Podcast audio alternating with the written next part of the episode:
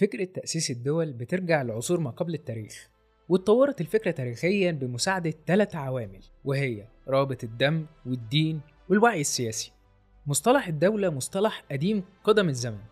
فلاسفة اليونان ذكروا المصطلح ده في كتاباتهم وحدد أرسطو مفهوم الدولة على إنها بتلبي الاحتياجات المختلفة للأفراد كالاحتياجات الاقتصادية والاجتماعية والأمنية. وبمفهوم ابن خلدون الدولة ما بتتحققش إلا إذا حققت وظائف وأغراض بتستفيد منها الجماعات البشرية. واتطور مفهوم الدولة لحد ما وصل لتعريف المفكر الألماني ماكس فايبر إنها منظمة سياسية إلزامية مع حكومة مركزية بتحافظ على الاستخدام الشرعي للقوة في إطار معين للأراضي. لكن عشان تقول على أي دولة إنها دولة فعلا لازم يبقى عندك شوية شروط ومقومات عشان تقدر تطلق المصطلح ده على أي دولة. منها ببساطة إن الدولة دي لازم تكون بتشغل مساحة من الأرض ويكون فيها مجموعة من السكان الدائمين المقيمين عليها والحاملين لجنسيتها ويكون للدولة دي سلطة سياسية حاكمة ويكون كمان ليها اقتصاد منظم ونظام حركة مواصلات واتصالات منها وليها ويكون ليها سيادة وممارسة للسلطات وصلاحيات على أرض الدولة. والشرط الأهم إن يكون ليها اعتراف دولي بمعنى إن يكون الاعتراف بالدولة من المؤسسات والهيئات الدولية المختلفة. لو سألتك عن أصغر دولة في العالم بيجي في دماغك على طول دولة زي دولة الفاتيكان الموجودة في قلب العاصمة الإيطالية. لكن إيه رأيك في دولة عدد سكانها أربع أفراد بس؟ طب أقول لك على الأكبر الدولة دي ملهاش أرض أصلا وتقدر تاخد فيها لقب ملكي مقابل 40 يورو. الدولة دي ليها عملة وجواز سفر ودستور ونشيد وطني وعلم وبريد وسلطة حاكمة كمان. لا وكمان ليها فريق رياضي. خليك معايا وهاخدك في رحلة لأصغر دولة في العالم. أنا أحمد طه وأنت بتسمع الخلاصة.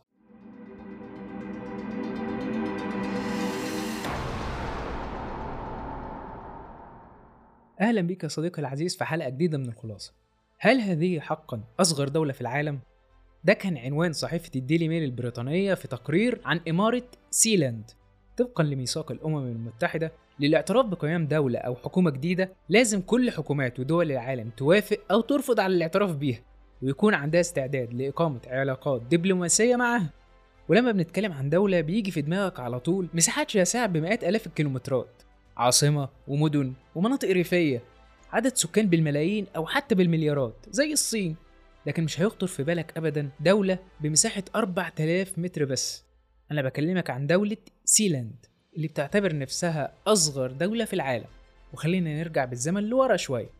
القصة بدأت وقت الحرب العالمية الثانية سنة 1943 لما بنت بريطانيا عدد من الحصون البحرية لصد أي هجمات ألمانية غير متوقعة جوا أو بحرا. والدفاع عن السواحل البريطانية ضد الطيارات الألمانية النازية وإزالة الألغام اللي ممكن تستهدف خطوط الملاحة الحيوية.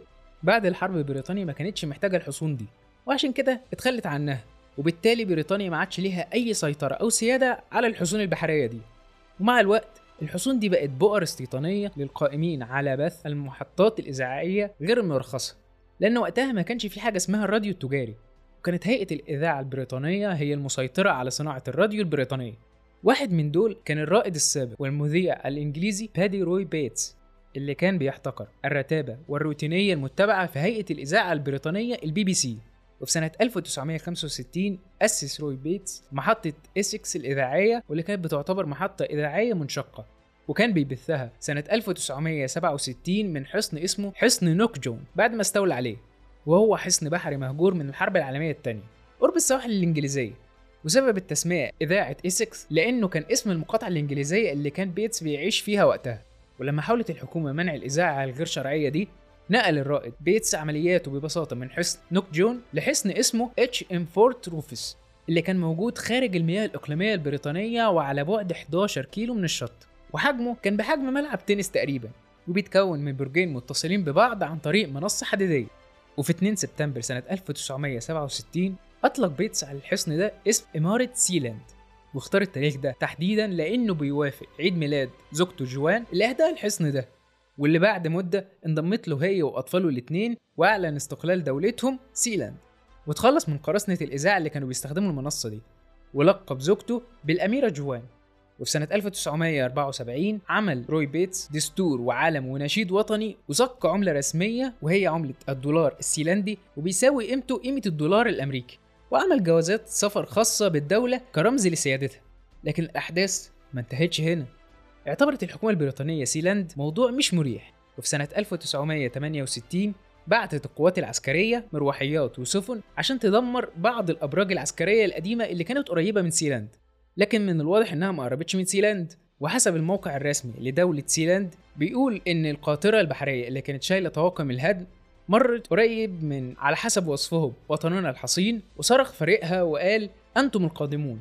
وده اللي خلى الأمير مايك بيتس ابن روي بيتس يطلق عدد من الطلقات التحذيرية في الهواء واللي خلى الأسطول البريطاني يتراجع للمملكة المتحدة ويتم بعديها استدعاء بادي روي بيتس وابنه مايكل للمملكة المتحدة عشان يتحاكموا سنة 1978 لكن سيلاند كانت بره المياه الإقليمية البريطانية وقال واحد من القضاة اللي كانوا بيحكموا في القضية دي إنه حادث مروع لكن حكمي هو أن محاكم المملكة المتحدة ليس لها سلطة قضائية في هذه الحالة. ونتيجة ده طبعا أخلي سبيلهم وفي سبعينيات القرن الماضي جه حوالي 50 شخص عشان يعيشوا في سيلاند معظمهم كان أصدقاء العيلة. في الوقت ده بدأت العيلة بتثبيت. مولد للكهرباء بيشتغل بالرياح والطاقة الشمسية عشان يوفر الكهرباء اللازمة. بيضم المكان مطبخ وغرفة معيشة ومكان للعبادة وسبع أماكن للنوم ونادي رياضي وأماكن تخزين وحتى سجن. وبيجي قارب من المملكة المتحدة بشكل منتظم عشان يجيب الأكل والشرب والصحف وغيرها من البضائع. لكن لو فاكر إن كل اللي فات ده غريب فهقول لك إن في أغسطس سنة 1978 اتعرضت دولة سيلاند إلى ما يشبه محاولة انقلاب ألماني فاشلة وادعى فيها راجل ألماني اسمه ألكسندر أخنبخ إنه رئيس الوزراء الحقيقي لسيلاند وخطط لما يشبه انقلاب عسكري ووصل لسيلاند مع مجموعة مرتزقة في الوقت اللي كان فيه بادي روي بيتس ومراته في إنجلترا. اختلف أخنبخ مع بيتس في خطط لتحويل سيلاند لفندق فاخر وكازينو واقتحموا المنصة بقوارب سريعة وأخدوا الأمير مايكل ابن روي بيتس رهينة لمدة أربع أيام. لكن بيتس قدر يسترجع سيلاند ويقبض على أخنبخ والمرتزقة باستخدام الأسلحة المخبأة على المنصة وكان أخنبخ حامل لجواز سفر سيلاندي. اتوجهت له تهمة الخيانة ضد سيلاند واتحبس لمدة 3 شهور لحد ما يتم دفع غرامة قيمتها تقريبا 75 ألف مارك ألماني أو ما يعادل تقريبا 35 ألف دولار أمريكي فبعتت ألمانيا دبلوماسي من سفارتها في لندن لسيلاند. عشان يتفاوضوا على إطلاق سراح أخنبخ وده بعد ما أكدت بريطانيا إن ملهاش أي سيادة على البرجين وادعى بعديها بيتس إن زيارة الدبلوماسي شكلت اعتراف فعلي بسيلاند من ألمانيا. وبعد رجوع أخنبخ لألمانيا أنشأ ما يسمى بحكومة في المنفى أو حكومة المتمردين السيلاندية في ألمانيا. في سنة 1997 ألغت عيلة بيتس كل جوازات سفر سيلاند حتى اللي أصدروها بنفسهم على مدار 22 سنة. واللي وصل عددهم تقريبا ل 150 ألف جواز سفر. وده بعد معرفتهم باستخدام عصابات دولية لغسيل الأموال جوازات سفر سيلاندية وهمية لتمويل وتهريب المخدرات وغسل الأموال من روسيا والعراق. ده غير إنه تم بيع 4000 جواز سفر سيلاندي مزيف لمواطنين في هونج كونج مقابل 1000 دولار لكل جواز. لكن الغريب إن بعد وفاة الوالد روي بيتس سنة 2012 اتولى الأمير مايكل حكم سيلاند لكنه بيحكمها من مكاتب شركات الصيد بتاعته في اسكس بإنجلترا وطول 60 سنة حكمت عيلته سيلاند وكأنها دولة حقيقية حتى لو هم ما حصلوش على أي اعتراف رسمي. في 23 يونيو 2006 اتعرضت سيلاند للحريق نتيجة عطل كهرباء لكن في 2007 قال الأمير مايكل إنه عرض سيلاند للبيع لكن للأسف مفيش أي مشتري عرض إنه يشتريها بالسعر اللي كان معروض وقتها واللي كان وصل ل 970 مليون دولار. رغم إنها على حسب تصريحه مطلة كليا على البحر وتتمتع بسكينة تامة وغياب للضرائب.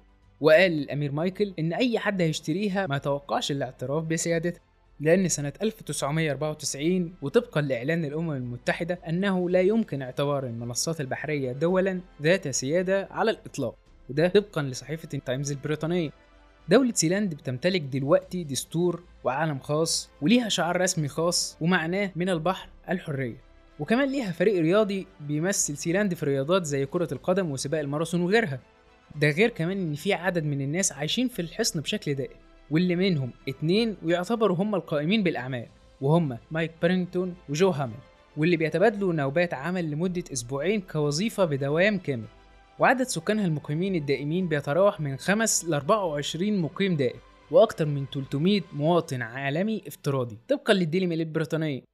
ومصادر دخل الدولة بتيجي من متاجر الدولة اللي موجودة في إنجلترا اللي بتبيع منتجات ترويجية واللي بتشمل بيع التذكارات زي القمصان العادية وقمصان كرة القدم وألقاب ملكية للأشخاص اللي بيتقدموا بطلبها وبيدفعوا رسومها واللي بتتراوح ما بين 37 ل 615 يورو. وممكن كمان تاخد الجنسية أو حتى تبقى مواطن افتراضي في سيلاند وبيحاولوا حاليا إن هم يعملوا عملة رقمية افتراضية زي البيتكوين.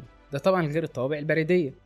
بيقول الأمير مايكل إن هم عايشين في مجتمع يحب فيه الناس الحرية والعالم بحاجة إلى مناطق ملهمة مثلنا ولا يوجد الكثير مثل هذه الأماكن.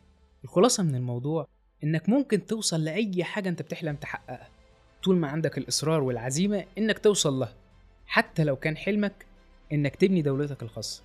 لو وصلت لحد هنا ما تنساش تدعمنا ب like و share للحلقة عشان تساعدنا نوصل المعلومات دي لأكبر عدد ممكن. وممكن كمان تسمع الحلقات اللي فاتت وتتابع الحلقات الجديدة. وتنزل تبص على المصادر لو بتتابعنا على أي منصة من منصات البودكاست. أما لو بتتابعنا على اليوتيوب يا ريت تعمل اشتراك للقناة. أنا أحمد طه أشوفكم بخير.